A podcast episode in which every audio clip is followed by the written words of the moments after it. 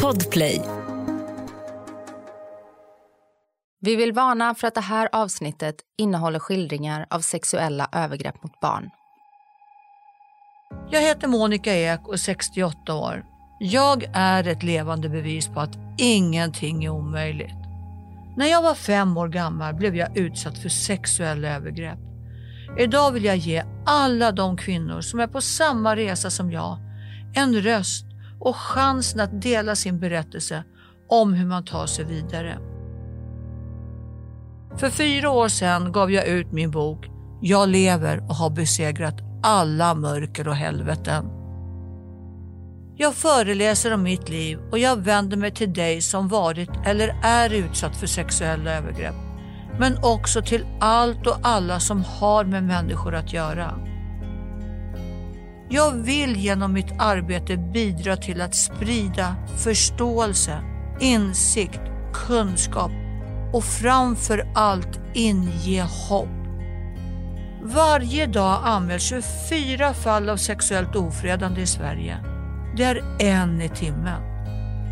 Värst drabbade är unga kvinnor och få anmälningar leder till fällande domar. I mitt arbete kommer jag dagligen i kontakt med kvinnor som bär på fruktansvärda trauman. Och just därför vill jag göra den här podcasten. För att visa att du kan ta dig igenom ditt helvete och få tillbaka makten över ditt liv. I dagens avsnitt träffar jag Kristoffer Ram som är forskare vid Karolinska institutet och cheföverläkare inom psykiatrin. Han forskar också på pedofili. Han berättar om genetikens roll i varför man får ett sexuellt intresse för barn och hur han tillsammans med sina kollegor jobbar för att kliniskt möta upp de här individerna. Kristoffer delar min egen strävan i att förstå varför.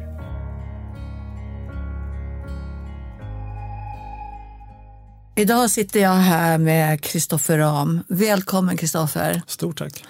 Berätta lite om dig själv i korta drag. Är en stockholmare, 46 år. Passionerat intresserad av det jag jobbar med så att på något sätt så flyter det väl över i, i hela mitt liv. Mm. Intresserad av sånt som har med människan att göra, vår plats i, i naturen, i samhället och hur vi beter oss mot varandra. Och eh, ja, försöker göra gott men lyckas inte alltid. Jag hittade dig av en slump. Jag satt och eh, googlade och läste artiklar om dig och vart så fascinerad och tänkte honom ska jag ha tag i och han ska jag möta. Jaha. Ja, och det är det som är så fascinerande. Här sitter vi idag. Du gör ju någonting som är oerhört stort. Du tycker det? Ja, det gör jag. För du forskar ju i pedofili. Ja, precis det gör jag. Hur man kan värna barn mot övergrepp och hitta behandlingar som hjälper för personer som har sexuellt intresse för barn. Hur kom det sig att du började med det här? Ja, det började väl, alltid svårt att liksom säga när någonting börjar sluta sådär, men när det riktigt sådär slog till i huvudet, det var när jag träffade några barn som varit utsatta för övergrepp uh, och såg vilken enorm skada det ger och hur svårt det är att läka från det och man kan ju inte göra det ogjort. Och kort efter träffade män som hade impulser och fantasier om att begå sådana övergrepp. Och eh, såg liksom att båda de här två har ju ett, eh, en situation där vi i psykiatrin, då, jag är psykiatriker, har liksom en roll och förväntas gå emellan någonstans. Och skulle man kunna göra, gå in tidigt i den där processen, när fantasierna om att begå övergreppen finns, så skulle man ju undvika en väldig massa lidande och skada för många människor. Du forskar i det här, eller hur? Ja, det gör jag. Berätta lite hur det går till. Jag och mina medarbetare, vi är ju en grupp nu på 8-9 personer eh, som samarbetar med forskargrupper över hela världen. Vi, vi försöker att se då ifall de här metoderna som vi har tillgång till kan göra någon skillnad.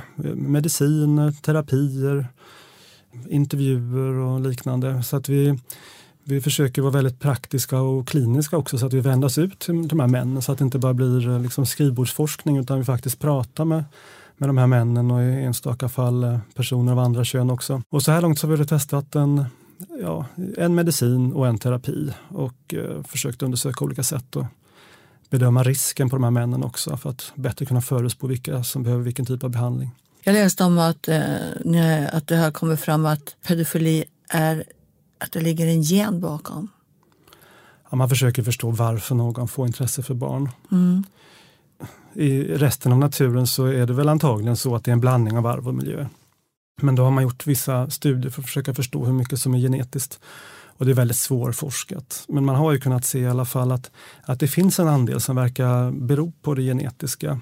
Eh, kanske uppemot att en 30 procent och sånt där kan ha förklaringsvärde eh, utifrån genetik. Men eh, sen så från det till att förstå liksom vilken gen eller vilka gener som spelar roll, det är ett jättestort steg och, och det kan man inte säga. Liksom man vet inte vilka gener eller, eller, så, hur det är. Antagligen är det många gener som verkar i någon slags eh, samspel med, med varandra och med miljön. Alla pedofiler har väl inte en gen? Tror du det eller hur ser ni på det hela när det gäller pedofiler? Ja, det finns nog många vägar som bär fram till, till, den, eh, till det som vi kallar pedofili, alltså att mm. någon känner att den är attraherad av småbarn. Bara man pratar med tillräckligt många män som har pedofili så ser man liksom att man börjar urskilja de här grupperna lite grann. Dels de som har det av mer så att säga, sexualsadistiska bakgrunder. Dels de som har kanske mer romantiska känslor kring barn. Dels de som kanske kommer fram till de här liksom, idéerna och, och, och, känslorna för att de har haft en stor konsumtion av porr som blivit mer och mer extrem och sen lett över någonstans till det här och så finns det de som kanske hamnat i eh, sexuella övergrepp mot barn för att det finns någon subkultur liksom i samhället som de antingen dragits till eller liksom landat i på olika sätt. Så det finns många vägar fram till det. Sen ifall de grupperna sen skiljs åt genetiskt, det finns ingen forskning kring alls. Men, men det är klart att det är en intressant hypotes. Men eh, man kan också säga så här att eh, det genetiska då eh, kanske stödjer delvis det som eh, männen själva säger, en del av dem i alla fall, att det här var ingenting jag valde. Liksom. Utan det var snarare någonting jag upptäckte att jag hade när puberteten till exempel drog igång. Att, eh, ungefär som andra upptäcker sina sexuella attraktioner mm. så upptäcker de det här. Eh, men det får heller inte användas som en slags ursäkt för att eh, okej, okay, ja, men jag, tydligen så är jag född till en som ska begå övergrepp. Utan handlingen måste vi alltid tänka att man ska ha ett ansvar för. Att man kan, eh, annars, blir, annars hamnar vi i en totalt cynisk värld. Alltså. Jag tänker så här, jag har ju själv varit utsatt för sexuella övergrepp med två anhöriga mm. från det jag var fem år till 16 år mm. var sista gången. Och eh, nu så pratar jag ju själv oerhört mycket med utsatta kvinnor. Mm. Jag själv personligen har alltid försökt hitta varför. Försöka hitta en, en alltså hur kan man och, och, varför? Och då tänker jag på dem jag hade nära mig. Då har jag ju frågat mig själv, var de sjuka i huvudet eller vad var det? Alltså, jag var ju ändå ett litet barn och stod nära den personen, oerhört nära och älskade personen oerhört högt hur tänker du? Hur ser du på det? När, när, man, när som, du, ja, som jag känner så här att jag försöker hitta förståelsen. Hur, hur ska man se på det? Ja, men jag delar också det här väldiga liksom, intresset att försöka förstå varför. Ja. Och inte bara liksom, att ge bra beskrivningar av hur det är utan att vad var det som hände egentligen? Vad var det som ledde dit? Eller vad, vad i oss kan få en människa att göra så här? Och det, det, är en del av min strävan nu varför jag gör den här forskningen också, att plocka isär apparaten och se vad, det som, vad, vad som döljs där inuti. Sen det här med signaler då, vad det är som liksom leder fram mot den, vad, vad det som vad vi kan se i vår forskning när vi ska hitta vad det beror på. Det som är tydliga så här långt, är det som vi gjort här i Stockholm, är ju det att många av män som har sexuellt intresse för barn också har en, hel an, en, en större psykiatrisk problembild. Det är inte bara intresse för barn utan där finns också eh, problem med empati och med förståelse hos andra, med impulshantering, med hypersexualitet och med liksom en svårighet socialt på sätt som inte alltid syns så tydligt. Kan man sätta någon diagnos där? Någon, att det finns någon diagnos när du säger det här att de inte har någon empati och allt? Ja, det, många har en bild som, som liknar det som finns vid högfungerande autismspektrumstörning eller, och eller ADHD Eh, som ibland också misstas eller eh, även samtidigt finns personlighetssyndrom, då, alltså eh, antisociala personlighetssyndrom. När de kommer till oss har de ofta depression också och olika typer av livskriser. Hittills så har ju när, någon har, när, när, ordet pedofili har dykt upp i rummet ihop med en klient, patient, då har, liksom, då har man inte lyssnat längre sen ofta. Det, man har svårt att ta in det, även en garvad liksom, eh, terapeut eller läkare eller så. Men om man fortsätter lyssna efter det så hör man alltihopa det här andra också. Då gör det, apropå den här signalen, då, att då har man förstått lite mer om varför bakom och då kan vi börja titta i vår redskapslåda vad vi kan göra, hur vi kan hjälpa och förebygga nya övergrepp eller förebygga att något sker och även hjälpa den här personen som är i rummet då och närstående runt omkring. Eh, så är väl den starka signalen. Sen har vi tittat också på hjärnavbildning och annat eh, och där finns också signaler men de är lite mer svåra att göra mening av. När vi sitter så här och pratar du och jag så känner jag helt plötsligt bara en enorm sorg. För mm. att jag tycker det, det som är så hemskt det är det att om man kunde se på en människa att han var pedofil mm. så hade det ju inte varit svårt. Men pedofilen, men det kan ju vara du, alltså den man minst anar. Den här mannen som alla tycker om, han som är social, utåtriktad. Det är ju inte någon knäppskalle, förstå mig rätt hur jag menar. Hur tänker du kring det här? För du är ju ändå involverad i allt det här. Jo, men jag tänker så, det är viktigt att man uh, inte har någon stereotyp bild av att den här mannen med pedofili, någon som sitter mm. liksom i skåpbilen utanför dagiset och väntar, utan att det kan vara eh, att, att det har många ansikten och det är vuxna män det är vi också kvinnor. Mm. Och sen så behöver vi också ta in i diskussionen att uh, stor del av övergreppen mot barn begås ju av andra barn och ungdomar. Så där är också en stor andel och de har vi inte ens nästan börjat tala om liksom, i den allmänna debatten än. Så att uh, vi behöver verkligen vidga vyerna, ta ett steg tillbaka och, och titta på det här så man inte låser fast sig i klichébilder. Det är sant som du säger, för det diskuterar man aldrig. Nej. Hur vanligt är det med barn och ungdomar? Ja, alltså det är ju tiotals procent, men det är kanske 30-40 procent säger vissa mätningar sådär, utav övergreppen mot barn som begås av andra barn och ungdomar. Och, liksom det, eh, och om man tittar på dagens 20-22-åringar, det var någon undersökning som kom nyligen, när de har tittat på eh, säga, pornografiskt material, eller man ska säga det på, så, så har ju alltså jättemånga som har tagit del av övergreppsmaterial mot barn också. Det är jättevanligt nu för tiden liksom, att man har sett det. Och sen också eh, inom porrindustrin, som du säger, den här framväxande industrin, så har det också blivit en helt egen, ganska stor nisch det här då med sex inom familjer.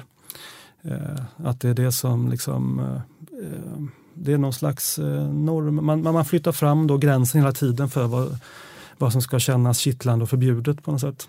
Och där, det är ju helt vanliga liksom, eh, så ungdomar som har tagit del av det och vuxna.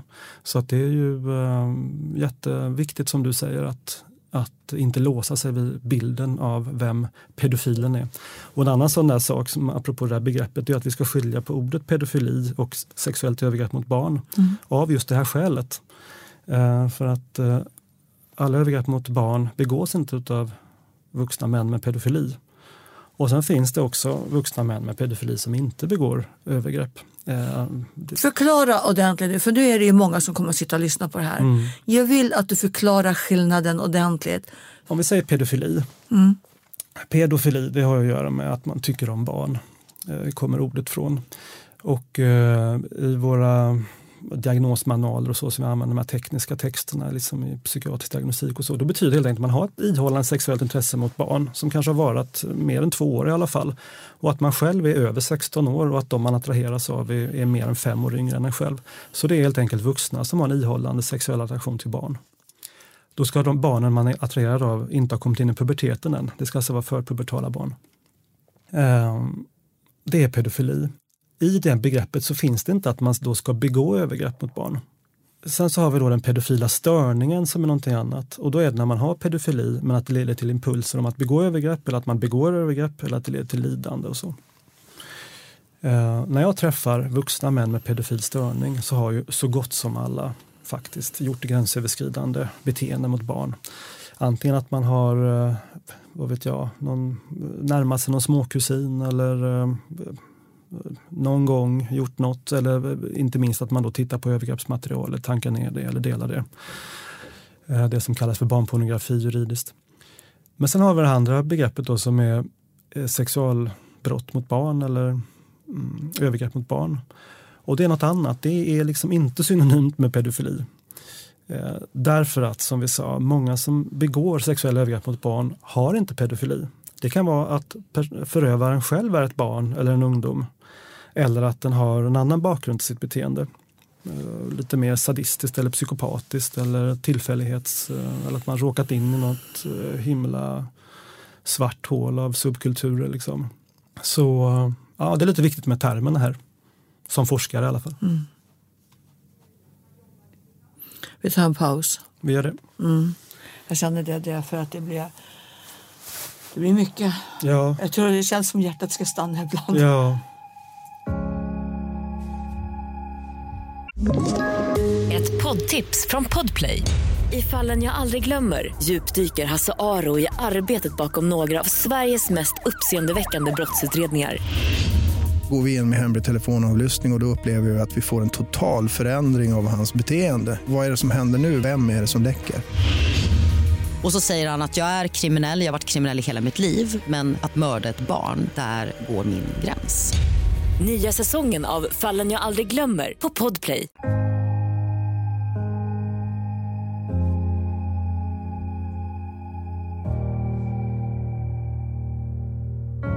Men det, det, är det här som är mitt driv. Ja. Jag kommer ju aldrig, och jag är övertygad, du jag kommer att träffas flera gånger. Mm. Det är jag övertygad om.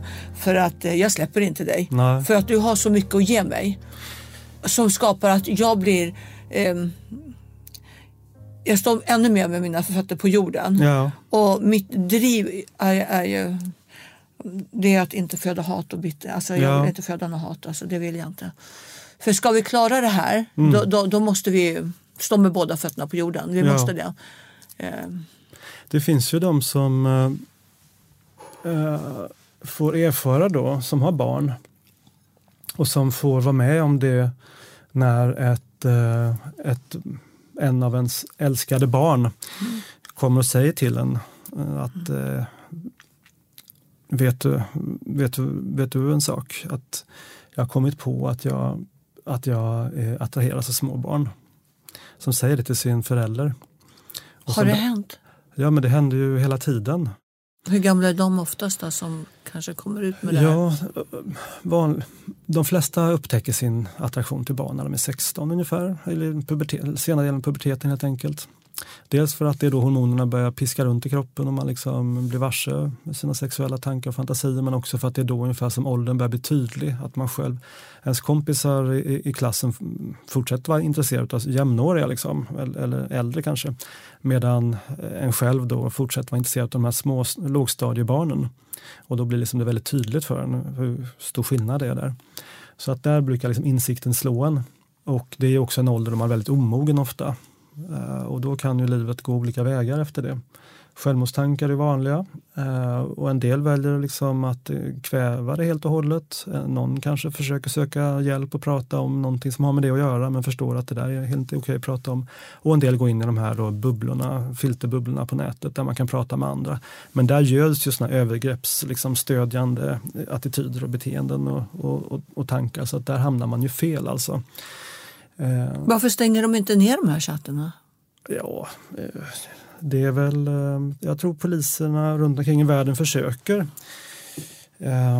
Men det är himla svårt också för tekniken skyddar ju dem. Och stänger man ner den så istället så såg vi under pandemin då, då, då blev det ju enorm aktivitet här. Folk trängdes liksom. Folk, det blev väldigt eh, tätt i de här forumen med nya deltagare. Då, folk som satt hemma framför skärmarna hela dagarna. Så det blev bara försämring, eh, åtminstone så vitt jag kunde se. Visst, visst hamnar några bakom lås och bom också men, eh, men då kom den här tävlingen igen, vem som är värst, vem som kan bjuda på mest nytt, liksom, färskt, grovt övergreppsmaterial och så här. Så att det, det är svårt, man hugger av ett huvud på draken och växer ut två nya. Ni har ju en linje som heter Preventell. Ja, det finns en sån kopplad till Karolinska Universitetssjukhuset. Mm. Jag jobbar inte där, jag har liksom ingen, eh, men den finns där och dit kan alla som har en oro för sin sexualitet eller upplever oönskade sexuella tankar och känslor hos sig själv eller kanske någon i sin när, eh, nära omgivning ringa. Mm. Och då får man prata med en professionell och man kan vara anonym och man kan få råd och stöd om hur man ska gå vidare. Eh, det kan också innebära att man får hjälp att ordna en, boka ett möte med en kanske en eh, terapeut eller en psykolog på den här mottagningen som är kopplad till. Jag vill ju uppmana alla, om det skulle vara någon som sitter med de här tankarna, att kontakta Preventell. Eh, på slutet här så ska vi lämna telefonnummer och hur ni ska gå tillväga för att få kontakt med dem. Jag instämmer i det. Jag vill också säga att det nu från februari och framåt kommer finnas en svensk anonym online eh, terapi som heter Preventit eh, som vårt forskarlag driver en studie kring dit man också kan vända sig. Mm. Så eh, båda de här två ställena, är, beroende på om man vill vara i forskning eller inte, mm. kan vara något. Jag uppmanar dig som vet att du har den här dragningen att sök hjälp, sök hjälp. Tänk på det lilla barnet före dig själv. För det barnet får sitt liv förstört. Eh, jag tänker och känner så här, Kristoffer, hur orkar du? Var får du din kraft ifrån att orka med det här? Ja, så säger en del som jag pratar med faktiskt. Det är ju otroligt svart det här. Men för mig så har det också varit så att det är en sak att titta på och höra om de här männen och, och övergreppen och så. Då blir man ju, då går liksom energin alldeles ur en på något sätt. Och man tappar tron och så. Men sen är det som psykiatriker så, så är det också när man till exempel pratar om självmord eller om andra extremt svåra liksom, livs omständigheter. Att när man sitter i, i psykiatrikerrollen eller läkarrollen och man också då kan göra något åt det. Då blir, då blir det någon slags en annan känsla kring det. Det blir någon slags meningsfullhetskänsla istället och en belöning också, vill jag göra mer. Så att, att verka i det och träffa de här männen och, och utveckla nya behandlingsmetoder och så, så finns det ändå en känsla av att vi gör någon slags positiv skillnad. Från min sida, som själv har varit utsatt, så är jag oerhört tacksam för det jobb du gör. Det betyder oerhört mycket för mig och för de andra där ute att du försöker ändå förhindra det här. Mm. Du stoppar ju inte bara huvudet i sanden, du vågar ju möta det mörkaste mörker. Så det, från min sida har du en stor eloge. Ja, tack så mycket. Det, var, det blir jag glad att du säger så. Du pratar om medicin och terapi. Kan du inte berätta lite kring det? Vad det finns för medicin och terapi? Ja, eh, det finns lite olika mediciner. Den som jag har forskat på mest är det här med alltså det som också kallas för kemisk kastrering, att man sänker testosteronnivåerna. Och då minskar det ju så att säga driften, källan till driften. Men sen så forskar jag också på terapi och då handlar det om att kunna ta ansvar för de impulser som kommer och förebygga att de kommer och hur man gör när man väl känner liksom, eh, begäret. Och så. så och då är det ju så att vissa personer kanske behöver medicin, andra behöver terapi, vissa behöver en kombination. Och så finns det de som inte behöver, behöver något av det här för de behöver något helt annat. Liksom. Och det gäller också att förstå. Vad gör man då med dem då? Ja, det är en ja, bra det fråga. Är det, Sen, det är ju så här ja. att eh, liksom, det är inte givet att hälso och sjukvård ska ha en roll i det här överhuvudtaget. Det är ju ganska kontroversiellt egentligen. Mm. Eh, så att vi är fortfarande på lite oprövad mark här. Det, de stora spelarna här det är ju såklart polis, lagförande myndigheter, kriminalvård, kanske rättspsykiatri. Eh, teknikbolagen som äger de här sajterna, porrbolagen och de, de har ju jätteansvar på sina axlar, alla de där andra. Att vi ska komma in från sjukvårdens sida, det är ju någonting som vi prövar oss fram i och vi får väl också vara ärliga och säga att eh, skulle det visa sig sen att, att, att, vi, att det liksom inte är, att vi har en större roll i det här, då måste vi dra oss undan igen. Men det är i alla fall en, det är något gott att testa i alla fall. Det tycker mm. jag. Och jag tror liksom att vi som samhälle behöver se det mer som ett, nästan som ett folkhälsoproblem med tanke på hur, hur vanligt det är faktiskt att människor utsätts för sexuella övergrepp och exploatering i sin uppväxt. Uh, det finns ju siffror som tyder på att kanske uppemot eh, liksom 20 procent av kvinnor har, har varit med om sånt där under sin uppväxt och 10 procent av män. Och jag menar, det är stora siffror vi pratar om. Istället för att man ser det här som enstaka händelser så behöver vi också höja liksom blicken och se det, liksom det det system, systematiska som ligger bakom här. Både vad gäller mans, eh, synen på, på manlighet och, och liksom synen på vad det är att vara vuxen gentemot ett barn. För det är också en, en maktroll som vi inte tycker har analyserat färdigt än riktigt. Och vilket ansvar de här teknikplattformarna och, och porrsajterna och, och så har. Hur tänker du att vi skulle kunna göra då? Vad är din tanke? Ja, det är en bra första steg att man lyfter diskussionen till den mm. nivån också. Utan att förringa de enskilda människornas eh, liksom, lidande i, i de situationerna. Ehm, och få en diskussion om det för att här, här har många, många skulle kunna bidra med väldigt kloka idéer liksom, kring det här. Och eh, den här visionen, då, nollvisionen om vi ska kalla det för det, mm. eh, att det är dit som samhället måste mm. sträva. Eh, då tänker jag så här, det, och, och, om vi då pratar om pedofili, som mm. ju, de som jag träffar, de männen, så föds det ju, liksom, det fortsätter födas eh, mm. hela tiden. Eh, personer som kommer eh, några år senare förstå att de då har pedofili. Eh, och ska vi ett, ett sätt i alla fall att minska risken att eh, de här personerna hamnar i övergreppskriminella banor liksom, är ju att den som identifierar sådana tankar och känslor hos sig själv eh, ska känna att det naturliga är att man lyfter upp det med någon. Eh, att det finns liksom ett sätt att ta, ta om hand de människorna som identifierar de känslorna hos sig själva väldigt tidigt och hjälpa dem upp på en väg eh, där det inte finns eh, liksom, eh, övergrepp i deras väg framåt. Där de inte begår övergrepp, där de, där de håller sig på den lagliga sidan och, och får ihop sina liv. Om vi ska hålla på att blåsa upp det och, och gapa, skrika, bråka, vara hotfulla, då kommer vi aldrig komma någonstans. Idag lever jag efter de fyra FN som jag har med mig i mina föreläsningar. Och det, det handlar om att förlåta, förstå, försonas och förändra. Jag har fått hört många gånger, är du knäpp? Att förlåta. Jag förlät för min egen skull. För när jag förlåter, då kan jag acceptera det som har hänt. När jag accepterar det som har hänt, då kan jag släppa taget och gå vidare. Det betyder inte, bara för att jag förlåter och accepterar, att jag rättfärdigar det hela. Det kommer jag aldrig göra. Men idag är jag fri. Därför kan jag sitta mitt emot dig. Därför kan jag sitta med alla de här kvinnorna som jag gör och prata om det här, för jag är fri. Och jag är ett levande bevis på att ingenting är omöjligt. Jag gick i terapi för många år sedan och den terapeuten sa till mig, Monica, ska du bli fri så måste du hata. Jag lyssnade på honom för jag trodde han var ju terapeut. Jag hade gått hos honom en lång tid. Så jag gick till morfars grav, eh, rev sönder rosor, gapade och skrek och grät och förbannade honom. När jag åkte hem på kvällen så mådde inte jag bra. Den natten sov inte jag, jag grät. Dagen efter gick jag tillbaka och sa morfar, jag förlåter dig. Släpp taget om mig. Och så gick jag därifrån.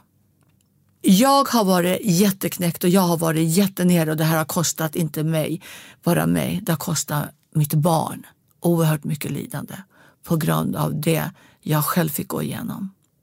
Att vara hatisk och bitter, det gynnar inte mig någonting och det gynnar inte människan. För när man blir hatisk och bitter, då drabbar det inte bara en själv utan man drar med andra i sin omgivning. Och det är det här jag vill komma till, att vi ska börja prata om det. Jag vill inte att vi ska våga börja. Det här är ett samhällsproblem som du säger. Vad tänker du när jag säger om, pratar och berättar det här för dig? Hur känner du inför det? Ja, jag tycker det är väldigt starkt det du berättar. Det, det, det berör mig verkligen. Uh, och uh, vilken livsresa du gjort.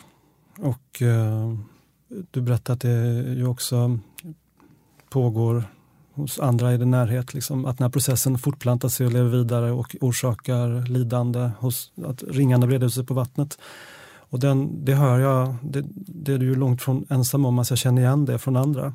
Det illustrerar verkligen hur, hur, hur, vilket enormt trauma det är att utsättas för det här och vilken enorm skada man eh, tillfogar någon annan och andra när man eh, övergreppa sig på någon om jag då liksom går tillbaka till min lite mer yrkesroll som forskare och så, så tänker jag att vi i vårt, eh, eh samhälle på något sätt har institutionaliserat den här processen och, och teknifierat den så långt att den nästan blivit eh, tappat mycket av sin känslomässiga kraft. Det som sker i domstolar och, och eh, med straff och så här. Det är väl därför så många också ropar på hårdare straff och, och, liknande för att man känner att man får liksom inte den där förståelsen från samhället att det är det här som, de här processerna som, som det sker och att samhället är så tyst liksom kring det för att det verkar som att folk inte fattar vilken, vilket lidande som, som så många bär runt på. Men jag har, när jag träffar de här männen, jag har en gång för alla bestämt mig för att alla, alla reaktioner är okej. Okay. Det du berättar nu, det andra berättar. Jag det, man möter ju alla, som du säger också, man möter alla möjliga typer av reaktioner på det här och, och för min del så är, är jag, för min del är det okej okay med alla de här reaktionerna. Så länge vi sen när vi går till handling pratar om att vi behöver förhålla oss civiliserat och, och liksom rättssäkert och, och allting. Poddtips från Podplay. I podden Något Kaiko garanterar östgötarna Brutti och jag, Davva, dig en stor dos skratt. Där följer jag pladask för köttätandet igen. Man är lite som en jävla vampyr. Man har fått lite blodsmak och då måste man ha mer. Udda spaningar, fängslande anekdoter och en och annan arg rant. Jag måste ha mitt kaffe på morgonen för annars är jag ingen trevlig människa. Då är du ingen trevlig människa, punkt. Något kajko, hör du på podplay. Därför är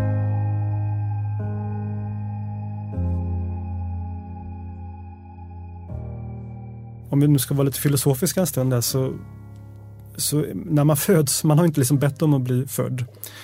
Eh, utan man kastas ut i det här och man behöver då ta ansvaret för att leva i det, att vara människa.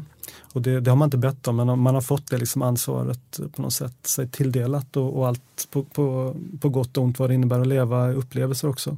Och på samma sätt som barn så har man ju inte, jag menar, det är ju inget barn, barnet är ju aldrig skyldigt till att bli utsatt för övergrepp.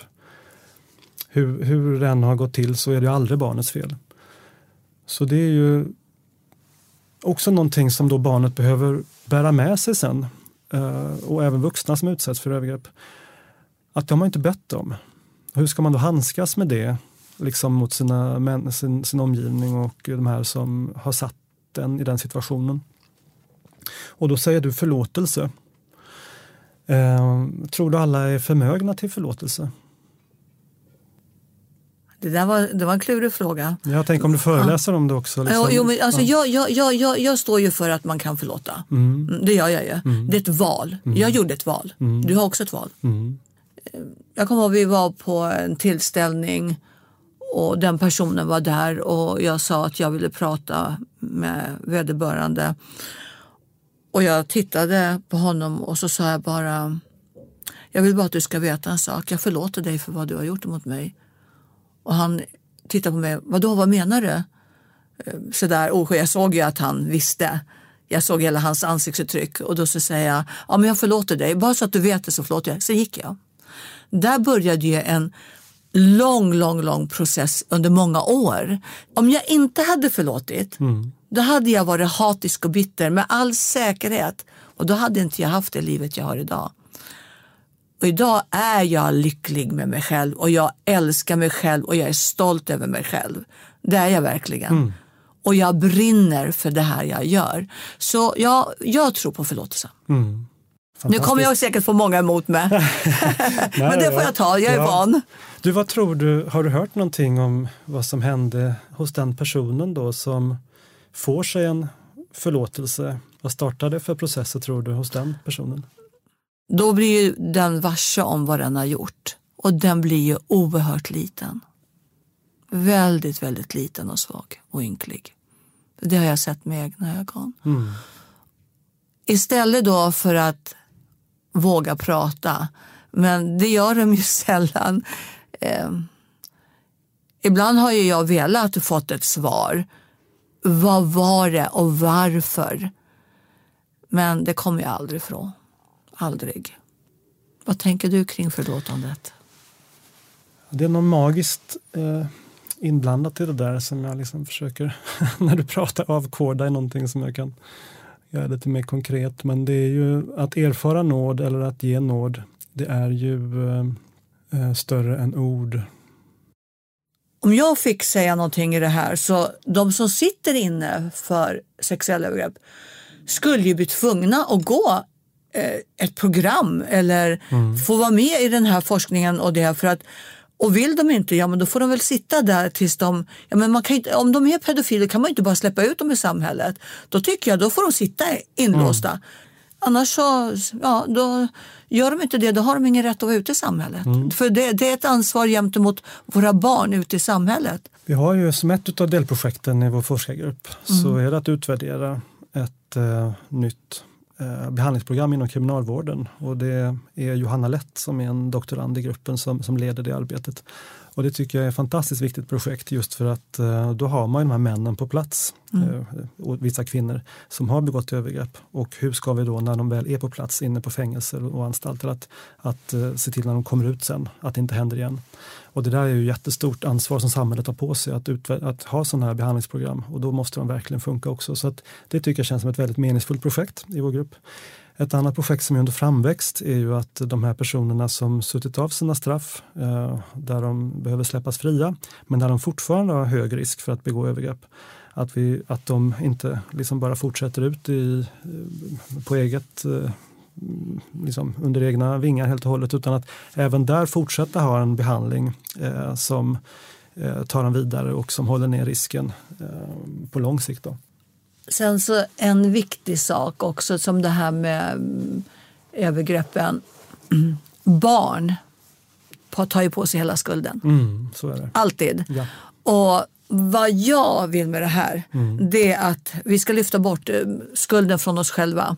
För skulden är aldrig vårt fel. Det är aldrig ett barns fel att det händer. Men den vuxna vill ju säga till barnet, säg inte det här för då blir Det är, det är så de som bär. fruktansvärt vidrigt att göra barnet till liksom, eh, ägaren av den där och, och, och hota på det där sättet. Det är så genomvidrigt. Alltså. Då, det sätter också, liksom, om man ska ta det där ett steg vidare då, så sätter det också det här du säger om att ge förlåtelse ett nytt ljus. För att barnet har inte bett om det där, det är inte barnets fel.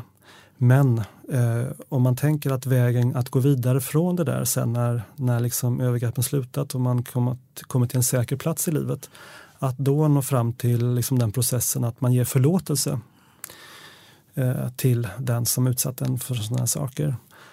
Det är, ju, det är ju enorma krav som ställs på offren. Det är inte bara det att stå ut med de där förbannade övergreppen och sen leva med, med, liksom, med sviterna av det under tiden det pågår och efteråt, utan även i längden sen vara den som ska ge förlåtelse. Eh, och i någon mening så är det ju en extrem det är en extremversion av att vara människa och överhuvudtaget bli född till den här världen utan att ha bett om det, som är liksom oöverstiglig för vissa människor. Vi måste bara ha med oss det, tänker jag. Jag tänker, om du fick säga någonting nu eh, till det där lilla barnet där ute. Om du fick säga en sak till den nu, vad skulle du vilja säga då? Det är inte ditt fel. Du förtjänar något bättre. Det kommer bli bra om du härdar ut. Och ifall du inte pallar så tala med någon vuxen som du tror kan hjälpa dig vidare. Livet är större än så här. Du förtjänar det bästa. Och i samma veva om du får säga någon, ett ord till någon som finns där ute som har de här dragningarna att vilja göra sexuella övergrepp på barn. Vad vill du säga till den personen? Då vill jag säga, dra inte in det där svarta hörnet utav tillvaron där energin slukar taget i din själ. Utan välj något annat. Testa, ta hjälp, testa prata med folk. Anmäl dig själv om du har gjort någonting. Eh, bryt med det där, dras inte in i, det, i, det, eh, i den brunnen, golvbrunnen som, som psyket vill dra dig till. Och eh, även du är en människa. Vi finns de som kan prata med dig och hjälpa dig eh, framåt. Och det som genomsyrar en del av våra liksom, eh, sätt att tala med de här är ju också att sanningen är ju en befriare. Att eh, bekänna brott eller att liksom, ta sitt straff. Det är också en väg framåt faktiskt för också människor omkring en om man verkligen vill göra gott. Kristoffer, tack från djupet av mitt hjärta för att du har kommit hit, för att du har delat med dig. Och tack Jag menar verkligen tack för att du kämpar emot det här. För att du försöker hitta en lösning för att rädda de oskyldiga barnen. Tack så jättemycket. Tack så hemskt mycket för inbjudan för ett jättefint samtal.